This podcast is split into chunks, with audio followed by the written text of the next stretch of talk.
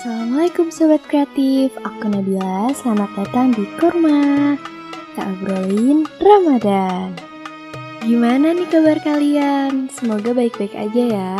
Aku doain juga deh supaya kamu yang dengerin podcast ini puasanya kuat sampai azan maghrib. Amin. Kali ini aku mau cerita tentang orang yang puasanya hanya menahan lapar dan haus. Begini ceritanya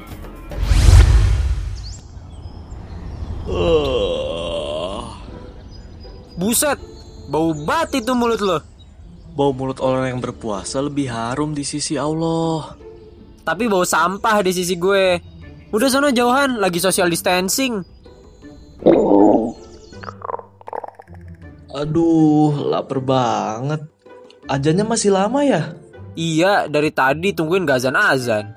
Ya udah, sabar aja, ntar juga ajan. Eh, lu tahu nggak kenapa belakangan masjid kita jadi sepi? Oh enggak. Kenapa emang? Katanya banyak yang gak suka sama muazin yang baru. Oh. Assalamualaikum. Waalaikumsalam. Kalian berdua ngapain berduaan di masjid? Ini Tat, kita lagi ngabuburit nih. Ngabuburit apalagi ngomongin orang lain. Hmm, enggak kok Ustadz. Astagfirullahalazim. Saya kan dari tadi ada di belakang kalian, jadi saya tahulah apa yang kalian ngomongin. Dia yang gibah Tat, saya mah enggak. Kamu juga dari tadi malah tidur-tiduran. Puasa itu bukan cuma menahan lapar dan dahaga saja, namun juga menahan diri dari hal-hal yang diharamkan dan sia-sia. Iya Tat, maaf. Tadi kerjaan kita tidur aja. Astagfirullahalazim. Kalian kan bisa ngisi waktu dengan berzikir, bersolawat, dan juga mengaji. Ini malah gibahin orang dan bohongin ustadz pula. Tapi itu nggak menjadi pembatal puasa kan Ustadz?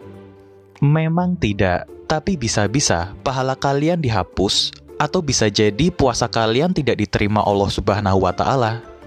Ya Allah Tat, saya mah gak mau gitu lagi deh. Hmm, biar dia aja.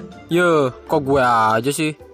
Sudah, sudah. Mendingan kalian ikut saya mengaji. Sana ambil air wudhu dulu. Baik, Ustaz. Ustadz.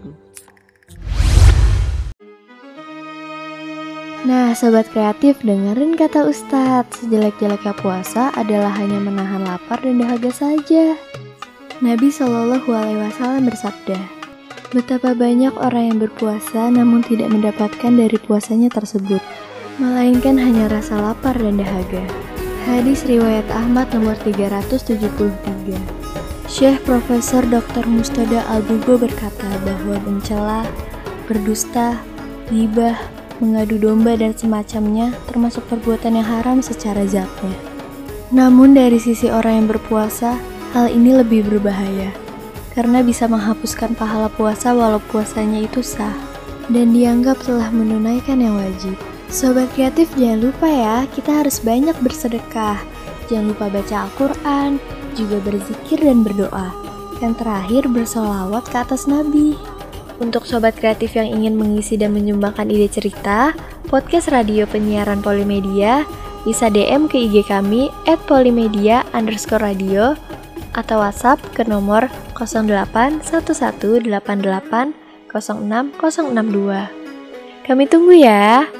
Aku Nabila, sampai ketemu di episode selanjutnya. Wassalamualaikum warahmatullahi wabarakatuh.